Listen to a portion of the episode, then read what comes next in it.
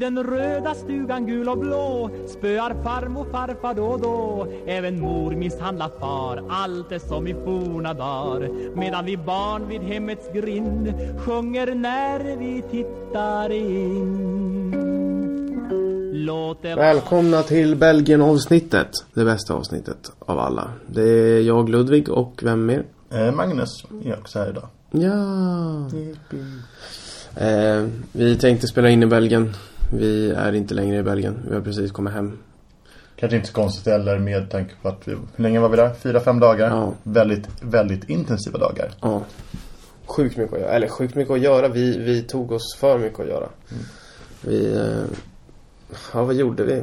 Vad ska vi börja berätta liksom? Nej men det är väl lite som vanligt när man kommer ner till, för er som inte har varit i Belgien eller framförallt Bryssel. Eh, men ni som kanske känner till framförallt Ludvigs eh, förkärlek till Lambic och även då Cantillon som ligger nere i Bryssel. Vet liksom att man åker, man åker ner dit och sen man landar på Bryssels flygplats och sen är det första man, mer eller mindre gör det är bara att åka ut till Cantillon. Ja.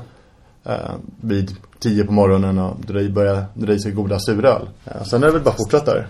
Ja, det är fantastiskt. Eller det är restips där kan vi säga. Eh, oftast så kan man ju landa, landar man ju relativt tidigt på dagen och då kan du åka tåg från flygplatsen och då kan du åka till en station som heter Bryssel Syd, vilket då betyder södra Bryssel. Och då åker man till den stationen så blir det sjukt nära att gå till Cantillon. Ja, det är en, tar, ja, om man bortom man inte har massa väskor och sånt att bära på så är det en, inte ens en fem minuters promenad. Jämfört med när man åker till centralstationen så det kan det vara, så är det lite småknockligt. Det är ganska långt. Så behöver man inte ta en taxi heller utan tåget tar 15-20 minuter, kostar 8-9 euro. Och är bra mycket smidigare än att ta en taxi som med trafiken som ändå finns i Bryssel kan kosta uppemot 40-50 euro. Och tar dubbelt så lång tid. Men sen så var vi, satt vi där och drack eh, lite lambic. Pratade med Sean, alltså bryggaren på Cantillon. Han visade lite roliga experiment som han höll på med. Han hade gjort bland annat en Vanilla Bean Lambic. Så han hade gjort en Lambic med vaniljbönor i. Vilket jag, jag tyckte den var skitgod. Magnus var inte lika övertygad. Nej, väldigt, väldigt spännande. Eh, jag kan se användningsområdet i det, men för min del, eh, som ändå gillar vanilj, så var det väldigt, väldigt mycket. Men det ska bli väldigt spännande att se hur det, det experimentet fortsätter då. Vad han kommer göra sen framöver med den, med den basen som ändå nu har blivit. Eh, och där kan man väl säga att så jag har nog ändå gjort väldigt mycket experiment. Vi fick ju väl också prova en, eh, vad var det, då? det är en blomma som växer runt omkring utanför Bryssel. Ja, som han inte hittade någon bra översättning till engelska på. Nej. Vilket gjorde det lite svårare. Jag kommer inte ihåg riktigt. Den hette någonting med rasp, raspé tror jag. Ja. Ja, det är lite skitsamma. Ja, men eh, just för att han ändå har gjort lite, ja men lite knasigheter och sådär. Och mycket med blommor eller med grönsaker. Han berättade någon gång när vi var nere att han hade gjort en brysselkålslambic. Som fram tills idag, eller fram tills nu på resan var det mest koko jag har hört någon lambic-bryggare göra. Men jag tror att det här är väl det som är mest otraditionellt om man får säga så. Framförallt från ett så pass traditionellt bryggeri som... Tänker, tänker med brysselkålen? Nej, la- vaniljen. Ja. Eller Jo. man har använt vanilj tidigare men just Han, att göra han, ren... ja precis. Cantillon eh, fram till 2005 är jag ganska säker på använde ju vanilj i alla sina fruktöl. Alltså i Rosé de Grambrinus och i, i eh, Krik. kriken framförallt då. För att ge, ge den lite mer djup i, i smaken. Men då i väldigt mycket mindre mängder och då extrakt istället för hela vaniljbönor. Vaniljstänger heter det på svenska. Som han nu hade använt. Eh, så att det, det var ju väldigt, väldigt nytt. Men det mest otraditionella, det vet jag inte om det, vaniljen är.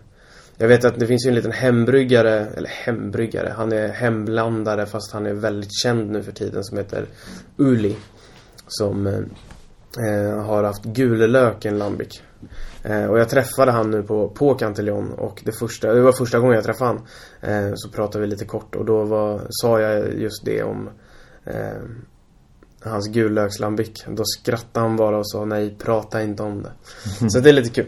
Eh, men sen så, förutom Cantillon som, som eh, resmål så hittar vi på massa annat också. Bland annat utanför eh, västerut från Bryssel en ja, kort bussresa eller en tågresa. Eller man kan ta en Uber, vilket kan vara att rekommendera trots allt i Bryssel. För det är väldigt mycket billigare och väldigt smidigt. Eh, Så västerut från ja, centrala Bryssel så ligger eh, Heden van Liedekerke. Ja. Eh, som är en, eh, ska man beskriva den, väldigt, det är en väldigt bra restaurang med ett fantastiskt ölutbud. Ja, de har varit omnämnda av Michelin några gånger för att de har varit bra. Jag vet inte om det på något sätt var ett Michelin-ställe för mig. En ambitiös mat får man ge dem. Ja. Mer kanske än att det var fine dining. Ja, det var det ju definitivt inte. Eh, Men, men, det, var, ja, men det, var, det, var, det var i alla fall, man var inte missnöjd med maten. Så kan man definitivt säga. Och den här restaurangen har legat där ganska länge och har väldigt mycket lagrad öl. Eh, och det var kul. Det, det som var tråkigt med det stället det är deras sinnessjuka priser. Ja, om man jämför med... eh, Nu är det dålig jämförelse för i Sverige finns bara en krog. Ja, Eh, mer eller mindre. Ja, och akkurat i Stockholm. Ehm, I Belgien finns väldigt mycket vilket gör att man behöver inte egentligen ha galna priser bara för att man kan. För att det finns, visst det finns lite mer competition där men ändå. Det här var ju kanske dubbelt mot vad du hade fått betala i Stockholm. Ja. Och då har de ändå höjt priserna på vissa av sina öl eh, som de har fått brygda till sig. Då har de höjt priserna kanske ja, en eller två gånger om året. Vissa av dem har gått från kanske 60 euro till 175 euro nu. Och det, det tar ju bort lite av Glädjen i att lusten att dricka. åka ut dit. Ja men det blir, alltså, jag, jag tyckte inte det var kul. Jag tyckte det var det, Då är jag ändå liksom villig att betala eh, relativt mycket pengar för, för ölen. Eh, och det är inget problem. Men det, när man vet att han har han, han bara är väldigt sugen på att tjäna väldigt mycket pengar. Och han, han säger så här, ja men för de här flaskorna, de som var, kostade 175, så bara, de vill jag ha eh, kontanter för. Och det, eh, jag, jag tyckte det var tråkigt. Det var inte en så här fantastisk eftersmak om man säger så. Men samtidigt så fick vi prova sjuka grejer. Vi fick, drack en eh, Drifontainen från 85. Och det är inte varje dag. Nej, och det är de som, de som är guldkornen som man kan åka ut dit och hitta bland annat. Men ett, rekommendationen då är väl att dels om man åker ut en taxi eller en Uber att är man tre, fyra stycken så blir både resan billigare eh, och man kommer också kunna ha råd att åtminstone dela på en flaska. Och det, utöver det om man inte är sugen på eh, gammal lambic så finns det väldigt mycket yngre eh, att välja bland. Men också väldigt mycket annat fint. Man hade ju gamla Orval, Ja. gammal Stille Nacht. Eh, väldigt mycket övrigt än bara just lambic vilket är också är otroligt Man kanske ska säga belgisk öl Belgien, från, från liksom bak mot 80-talet. Säkert några 70-talsflaskor också. De såg jag inte men det är ju inte omöjligt. Ehm, så att det, är- det är fortfarande ett hett resmål och eh, en fantastisk plats att åka till. Jag tycker framförallt att det är skönt att lämna Bryssel emellanåt. Bara för att få, få den här avslappnade, lite mulliga, lite träd, lite skog. eh, För att bryta av med. Bryssel bör man ju säga också, för er som inte varit där, är en väldigt, väldigt, väldigt liten stad. Eh, Jag har varit där ett Geografiskt. eller? Ja.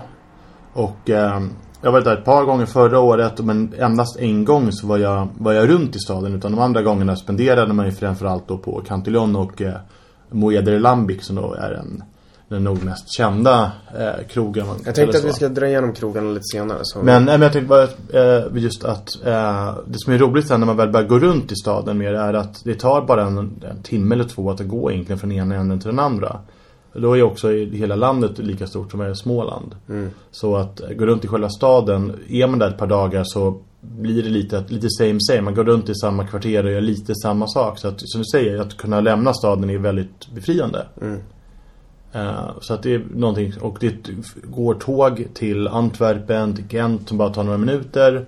Kostar ingen, ingenting så att det är, är man där en lång weekend så är det, rekommenderas varmt att åka iväg till någon av de andra städerna och se- Några minuter är kanske lite Nej, men det tar en- men det, en det går väldigt 40 fort. minuter. Jag tror den lä- längsta resan är typ två timmar över landet liksom. Mm. För att ta sig från punkt A till punkt B. Så att det, det är väldigt korta avstånd. Eh, och du kan göra nästan hela landet på, på en vecka liksom. Eh, vilket är väldigt trevligt. Eh, men sen så åkte vi även ut till Driffontein. Eh, ute i Berzel. Som är ett annat Lambic bryggeri. Och där, det är också lite lantfeeling på det. Och då, tyvärr så var det lite stängt och utblockat i butiken så det var lite Stängt var det inte men Utplockat var det, så det var lite tråkigt. Och sen så gick vi till eh, eh, bryggeriets egna restaurang och satt där och käkade. Och det, det var väldigt trevlig restaurang. God mat. Eh, Litet men ja, okej ölutbud. Framförallt om man ser till deras egna saker så var det Ja. väl mer fokus på sånt som bara fanns där och eh, sådant som är lite mer exklusivt. Men även lite ja, ett okej utbud av annan belgisk öl. Mm. Eh, ambitiös mat. Eh, om man ser till menyn. Det vi Mm. fick, eh, nu åt vi en helt okej sallad. Eh, Det kan ju vara viktigt. De öppnar inte varmköket förrän klockan sex. Så man, plan, man får planera lite ut efter det, vilket vi inte gjorde för vi visste inte det. Så att vi, vi kom dit och fick äta sa- sallad. Som visserligen var jättegod, men det var inte riktigt det vi ville ha.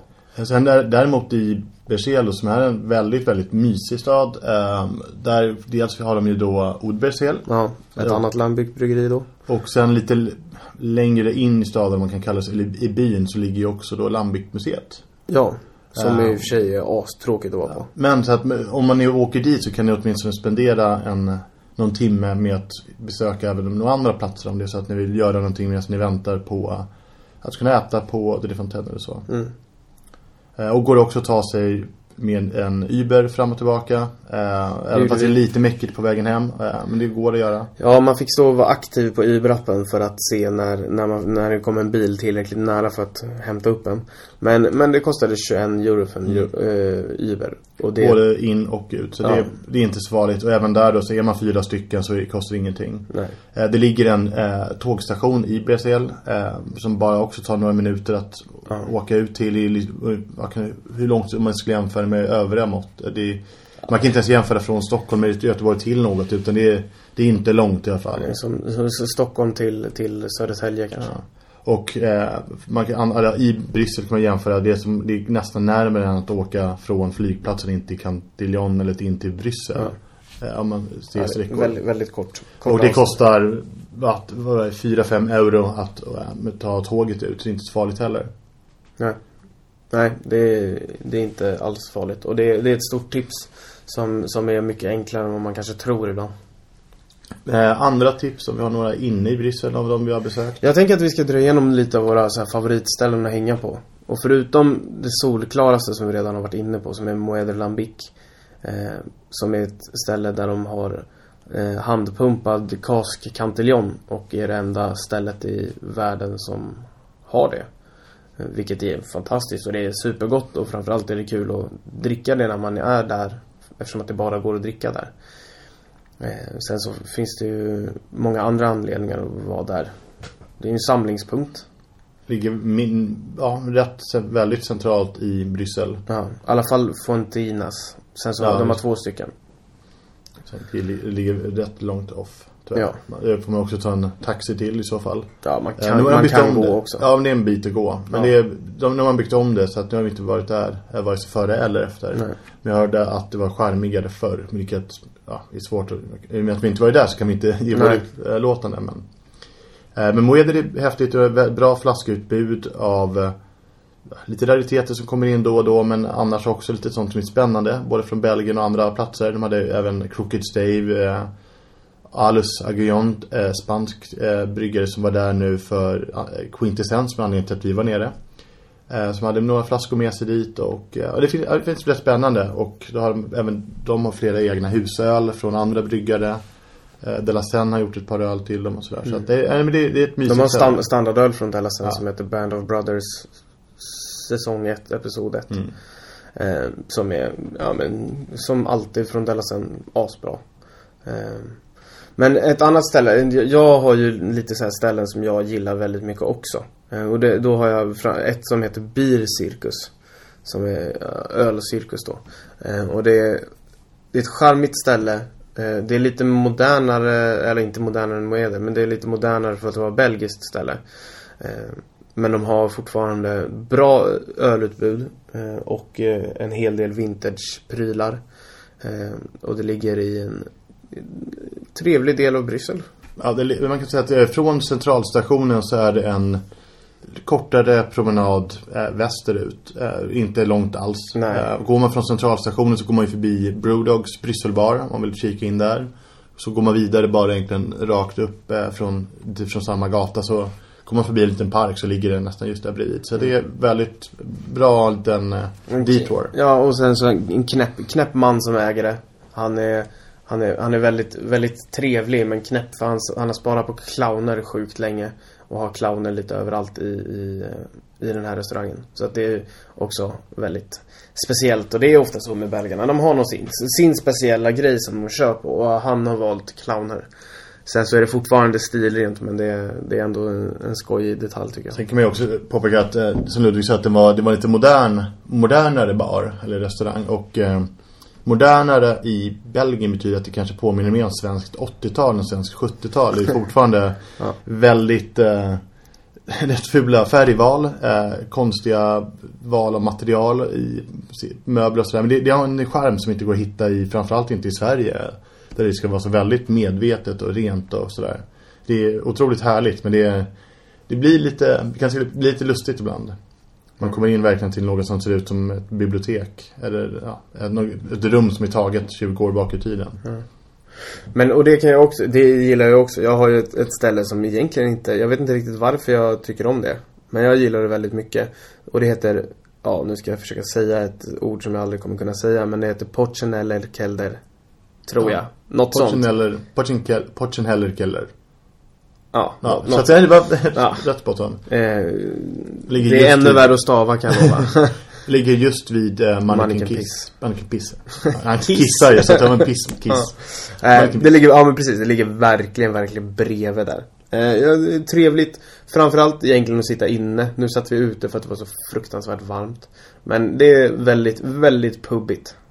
Där inne. Eh, inte jättestort utbud av någonting men har lite av allt möjligt. Bra priser. Bra priser. Eh, och framförallt så är det, det känns inte så det ligger mitt på turistgatan mm. där exempel ligger vid Mannequin-piss. Eh, men det, det känns inte turistigt. Utan det känns som att det har sett ut likadant sedan 50-60 år tillbaka ja. i tiden.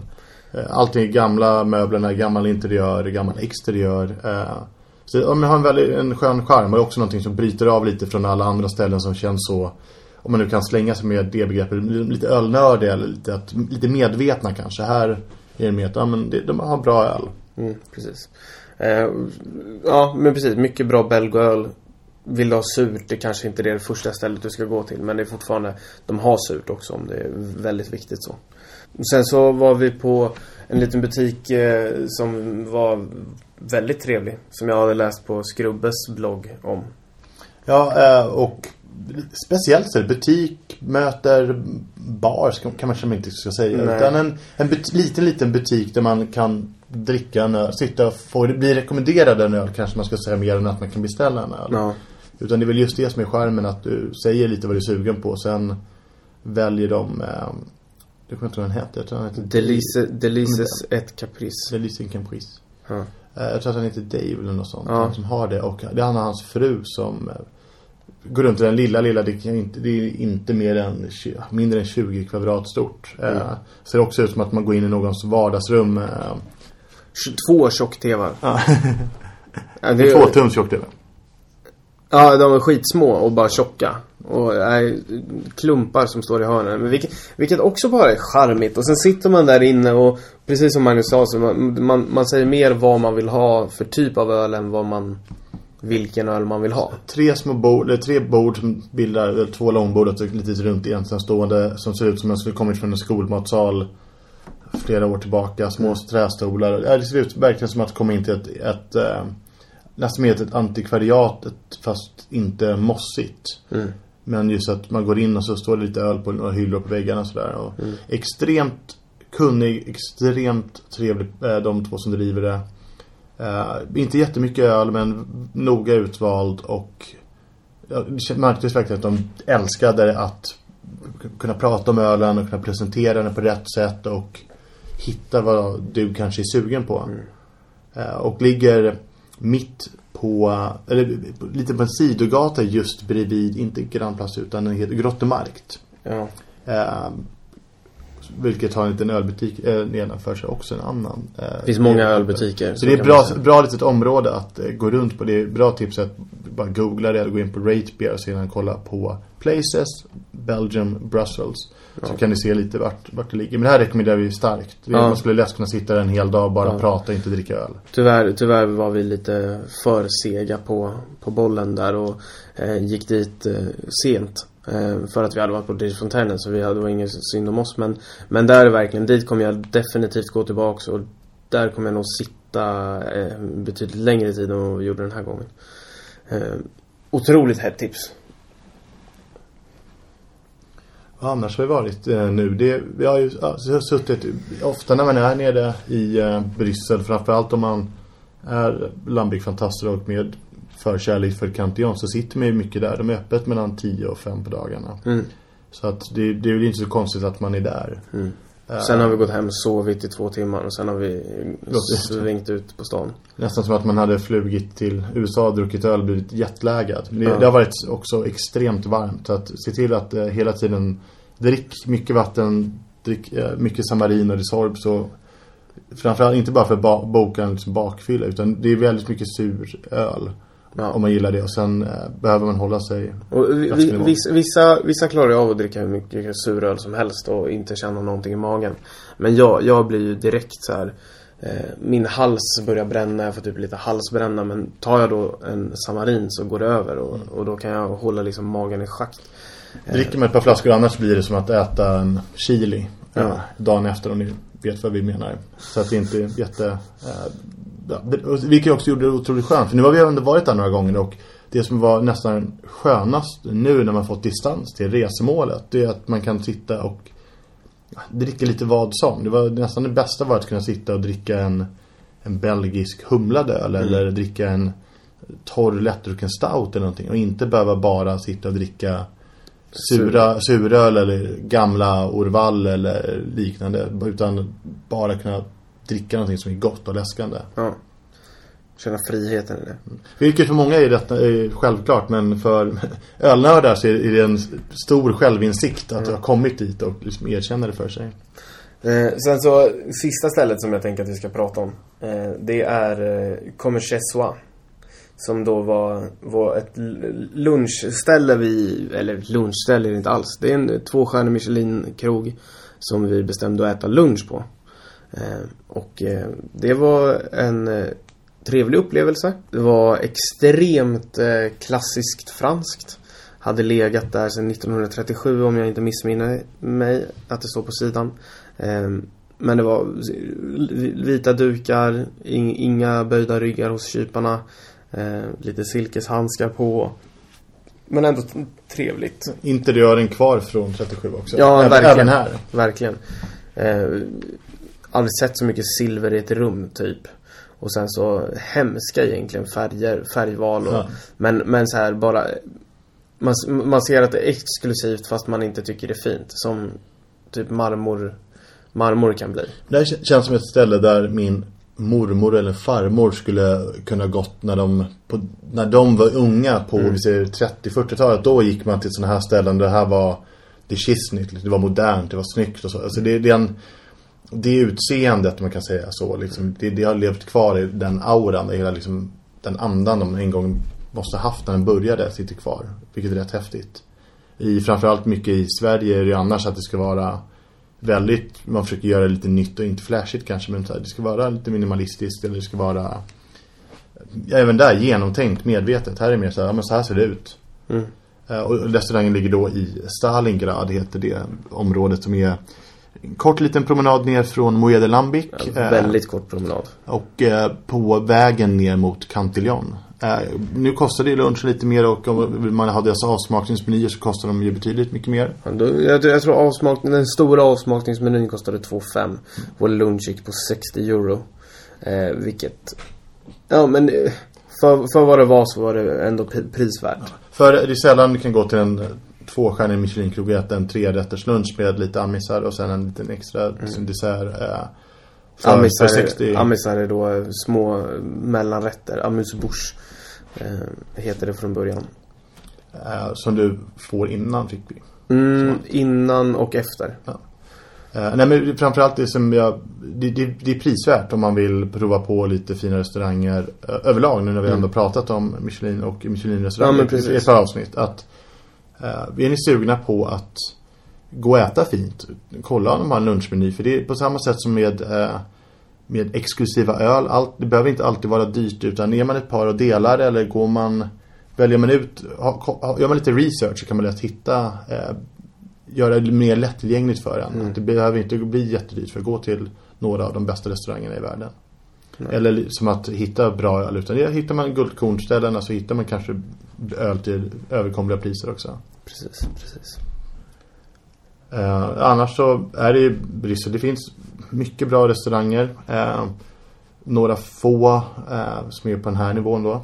-huh. eh, framförallt det som jag gillar med nu när jag senaste gången jag har bott i Stalingrad runt där vilket kanske inte är den finare delen av Bryssel utan Stalingrad är vad ska man säga, det är väl ett eh, det är mycket turkar som bor där. Det är på vägen ner mot de islamska kvarteren. Mm.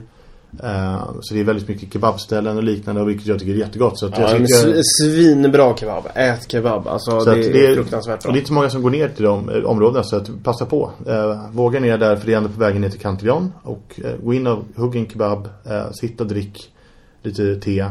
Mm. och ha det skönt. Vilket också kan säga med just de här områdena att nu var vi inte där på den här resan men går man sen från centrala Bryssel eller vad man ska säga då sen och så går man, det blir också lite mer västerut så kommer man till eh, Molenbeek som kanske tyvärr nu är mest känt för att det har varit väldigt mycket aktiviteter kring terroristraster och liknande. Men det behöver vi inte prata om för det är inte lika roligt som öl. Nej. Men just innan den lilla, lilla bron över till stadsdelen Molenbeek så ligger då Brussels Beer Project.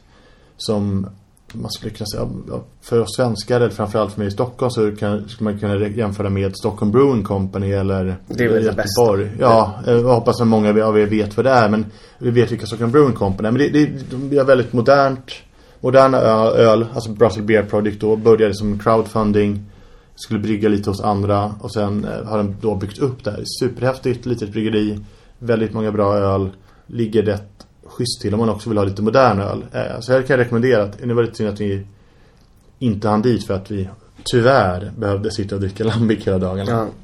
ja, nej men det är också en prioriteringsgrej att man prioriterar bort det. Men det, det, vi åkte ju ner på grund av den här festivalen som Cantillon har haft varannat år nu jag vet inte exakt hur många år, men ganska många. Eh, som heter Quintessence. Eh, och då var det man, man, går, man går igenom bryggeriet och sen så finns det stationer överallt med, med olika öl och mat till. Eh, och då var det bland annat ganska mycket helt vanliga, eller deras standardöl. Eh, som var där. Eh, med intressanta matkombinationer. Vissa jättebra och vissa tyckte inte vi var speciellt bra tyvärr. Eh, och sen så hade vi även eh, lite specialflaskor. Som var första gången han släppte på riktigt eller vad man ska säga. Och då hade vi bland annat en, en flaska som jag blev ganska kär i som heter Celiche. Eh, som då är en rödvins eh, lambic. Med tydliga, tydliga rödvinstoner. Eh, de här druvorna är ju väldigt speciella från Alicante. Uh, brukar framförallt användas för att ge färg till vinerna. Uh, och sällan man använder det bara för att, eller för att ge smak. Uh, det var ju det som man har gjort nu istället. Så det är en väldigt, väldigt tydlig smak. Skarp, på ett bra sätt. Jag tycker den är väldigt, väldigt häftig. Mm. Och en väldigt häftig färg också. Som, den är en färg, färgningsdruva delvis. Och den ger extremt mycket färg. Och det såg man på ölen. För den var, mm. den var rödvinsröd liksom. Verkligen. Vilket är jätte, det var, den var väldigt vacker. Sen hade de ju också eh, en av de ölen då som vi hänvisar lite till i början. Just eh, Asperull Odorant. Som då är med myskmarra. Mm. Blir det väl. Eh, myskmara. Myskmara, exakt. Ja. Eh, och eh, också väldigt, väldigt speciell, väldigt eh, kryddig, örtig sådär känns. Nästan lite konstig men den är också väldigt häftig, lämnar en lång eftersmak sådär. Eh, riktigt häftig. Kanske ingenting man vill dricka ett par flaskor av sådär men Nej. roligt att den har blivit kommersiell om man kan kalla det så att den har serverats. För det är en sån där som annars har legat i en källare som man har haft, man haft ut så man kunnat få prova den. Eh, kanske hoppas att den dyker upp lite mer nu. Mm. Annars som är de roliga nyheterna om man kan La säga så. Belge måste man väl ta upp. Ja. Um, det är då en, en öl som han, han då, Sean, har gjort flera gånger på ett sätt kan man väl säga. Uh, med Vin Jean. Uh, Eh, gult vin från Jura-regionen i östra Frankrike. Vilket är ett väldigt speciellt vin. Väldigt gott vin men väldigt speciellt. Och då har han då tagit det, tunnorna från det vinet och lagrat lambic på. Eh, och det blir fantastiska smaker. Och sen hade han gjort, en, gjort om den med eh, en vinmakare. Jag kan bara dra historien om namnet för att det är lite kul. För den här vinmakaren, varje gång de, de eh, pratar med varandra eller skickar mail till varandra så avslutar tydligen vinmakaren alltid med La vie est belge. Nej, La vie est belle. Vilket då betyder livet är bra. Och istället för att ta det det ordet, eller det, den, det uttrycket så har man då gjort om det lite som till La vie est belge. Så livet är belgare, eller Belgien typ. Eh, vilket är väldigt kul. Och den var fantastiskt bra. Vi har druckit den, an, den tidigare versionen och tyvärr tyckte vi att den var bättre. Nu det, var, är, det var nog en av de mest komplexa öl, alla kategorier jag, jag har druckit. Ja, otroligt. otroligt speciellt på ett väldigt gott sätt och häftigt sätt. Eh, den här, var, den här var inte lika, lika intensiv i, och på alla dess sätt. Men fortfarande fantastisk. Och jag tror att den kommer nog inte finnas direkt till försäljning tyvärr. Men jag vet inte heller hur mycket han gjorde av den. Jag frågade inte det. Men förra omgången gjordes i 100-120 flaskor. Och då den har serverats en gång på en auktionsprovning i Kalifornien. Och en mm. gång på en, på en restaurang. På en beer makers dinner, man kan kalla det så. Mm. Där de gjorde av med 20, 30, 40 flaskor och sånt där. Ja. Annars har den inte riktigt dykt upp sådär. Nej. Så det är väldigt limiterade saker men otroligt fantastiska. Sen bör man, man nämna då att en del av Quintessens, jag vet inte om det har varit så varje år, men åtminstone nu och även sist, för, förra året då när vi var där, så har de bjudit in två stycken bryggerier, eh, alltså gärna med ett, någon form av tema lite sådär. Eh, för två år sedan då var det Allagash från eh, Boston. Mm. Och Crushing River. Och Crushing River. Kalifornien. Eh, båda amerikanska bryggerier då, eh, som dels hade gjort en, en, collaboration ihop. Eh, och där, i år så skulle det ha varit Birra del Borgo från Italien och sen då Alus Aguillon från Spanien. Eh, som är två eh, Borgo fick ju väl också Lambic. Mm, ja. Så det är två av fem, stämmer det? Ja. Jag har sagt det. Två av fem i alla fall som har fått Lambic från, från Cantillon. Att använda i sina öl. Och det är det som sagt då, det är väldigt speciellt. Så de var inbjudna till år. Men sedan så bara en vecka egentligen innan det här då, så förra veckan så, så blev det klart att eh, var det Inbev som köpte upp ja, Anheuser-Busch Anheuser-Busch eh, alltså AB Inbev heter de i Europa eh, som köpte upp Birra del Borgo och eh, då valde Cantillon att inte ha med dem på festivalen längre. De är fortfarande goda vänner och allting som så, utan just att de, som de skrev i pressmeddelandet, om man kan kalla det så för att det låter väldigt ordningsamt. Så uh, menar de då att de, det här motverkar det som Cantillon framförallt då får man säga har kämpat emot genom alla år. Det var en av de som inte började söta sin lambic. Mm. Utan som verkligen ville värna om det traditionella och det hantverksmässiga och passionen i det man gör. Um, då sa de att tyvärr så att de här storföretagen kommer upp och köper upp alla de små passionerade människan mer eller mindre så uh, de vill inte stå bakom det så att då tackade de nej. Mm. Så, så nu var det Alice Aguillon och uh, Cantillon som var där. Mm. Så det var Cantillon var där. på sitt eget. Ja. Nej men så det var Alice Aguillon då som är väldigt flummig kan man kan säga. Så de är ja, rätt, häftiga, rätt häftiga spanjorer som uh, uh, gjorde rätt goda säsong framförallt mm. som man vill kunna säga och eh, inte så mycket kolsyra utan rätt stilla och läskande eh, öl som mm. passade in rätt bra i det här. Mm. Verkligen. Nej men det var, det var kul att se. Jag hade aldrig provat någonting från dem innan. Vad jag tror i alla fall.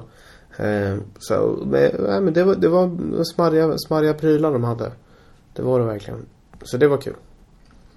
Uh. Och hela festivalen, alltså det Nu har vi varit där på två, två, två quintessens och det är för mig knappt ett frågetecken om jag ska åka nästa gång. För att det är en himla charmig, ett charmigt sätt de gör det på och allting. Sen det här året så hade de även en annan väldigt speciell grej och det var ju att man fick köpa med sig en specialflaska i slutet. Man fick en biljett som, som man kunde, alla, alla personer fick köpa en flaska. Eh, och det var... Lambic Donis. Ja. Och det, det, det ökar ju bara värdet och hur kul det är och alla går därifrån med ännu större, större leenden på läpparna. Ehm, så det var väldigt, väldigt kul. Ja, sen är det ju, upplägget påminner väl lite om delvis lite om andra ölfestivaler där, om man nu ska jämföra det här med festival vilket kanske inte riktigt stämmer men det är uppdelat i olika pass och då är det en trepass med att eh, de släpper in eh, 30 personer tror jag per halvtimme eller det är 50 personer per halvtimme nu. Eh, så att just att man ska kunna få en skön rotation lite på Att det inte ska bli bara att alla springer till en eller så öl För att det finns öl till alla eh, Du får Tidigare, sist var det då att man fick ett glas öl och så fick man en matbit. Nu kunde man ändå hämta lite öl och sådär mer. Men det gör också att det blir ett skönt flyt och eh, man har ändå lite tid att få höra lite om de olika produkterna. Mm. Vilket är skönt. Och alla går bara runt och är glada. Det är inte som på ölfestivaler att det blir ja, hetsigt eller skränigt eller att det blir lite för nördigt så utan det är, här är entusiaster som är. Man behöver inte vara nörd för att eller ölnörd eller lambiknörd eller så kan inte jag nörd utan det är entusiaster som är nere. Det är folk som tycker det är roligt att vara här. Mm. Som att åker man ner själv, vilket vi såg många har gjort. Så kan man alltid träffa någon att börja prata om eh, vad som helst med egentligen. Och kanske resa vidare lite i Bryssel eller Belgien och sådär. Så det rekommenderas varmt.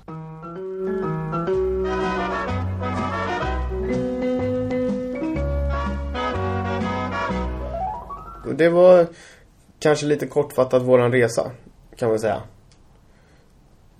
Som de flesta besöken som vi har sagt blir rätt lika varandra. Just därför så ta, ta tid och eh, läs gärna på lite innan. Det finns väldigt mycket vackra byggnader. Det finns väldigt mycket härliga gamla restauranger och kaféer. Eh, för förr så var det mycket sådana här lambic-kaféer. Så det, det, det, är inte liksom en krog eller restaurang. Utan det är, du går in och tar, mm. dricker lite öl mitt på förmiddagen sådär. Och våga, våga resa runt i landet. Stanna inte bara i Bryssel. För att det blir mycket roligare. Mm. Eh, nu har vi, vi har verkligen bara tagit upp en liten tårtbit av, av vad man skulle kunna gjort i Belgien. Eh, det finns ett, ett, en väldigt känd restaurang som heter Kulminator som vi inte ens har tagit upp nu och inte ska ta upp så mycket nu heller. Eh, som är fantastisk, som ligger i Antwerpen och det finns eh, fantastiska bryggerier i, i landsbygden i Västflandern och det, det, är liksom, det bara kryllar och det finns överallt. Så att våga, våga res. Eh, och... Det behöver inte vara svårare. Är ni två eller tre, eh, hyr en bil. Eh, besök en stad eller en by. Stanna över natten så att ni inte behöver liksom köra runt brusade. Men, ja, det, nej, men så att, inte ett alternativ. Nej, så att, men så att liksom stanna på ett ställe över dagen eller natten. Träffa lokalbefolkningen och prata. Det låter så här, turistigt på något sätt att säga så. Men det, det är så härligt i Belgien. För det är så extremt välkomnande. Det är fullt med så mycket kultur och mat och dryck överallt. Ett annat alternativ är bara hoppa på en cykel, eh, på med ryggsäck, eh, cykla runt. Mm. Eh, vi känner ju flera vänner som har gjort och tycker att det är inga konstigheter. Du cyklar till närmsta by, eh, till byn efter det och sen hem på, på en dag. Så att det, mm. det är inga avstånd. Så äh, våga utforska Belgien. Ja. Och framförallt åk dit om du inte har varit där. Har du varit där tusen gånger, åk dit igen för du vet hur bra det är. Så att, ja, jag skulle vilja få avsluta det här idag. Ja. Nu kan vi med gott samvete eh, krypa till kojs. Ja, nu ska vi sova för nu är klockan mycket. Nej, ha det så bra. Tack och hej. Låt det vara som där Annars blir det bara värre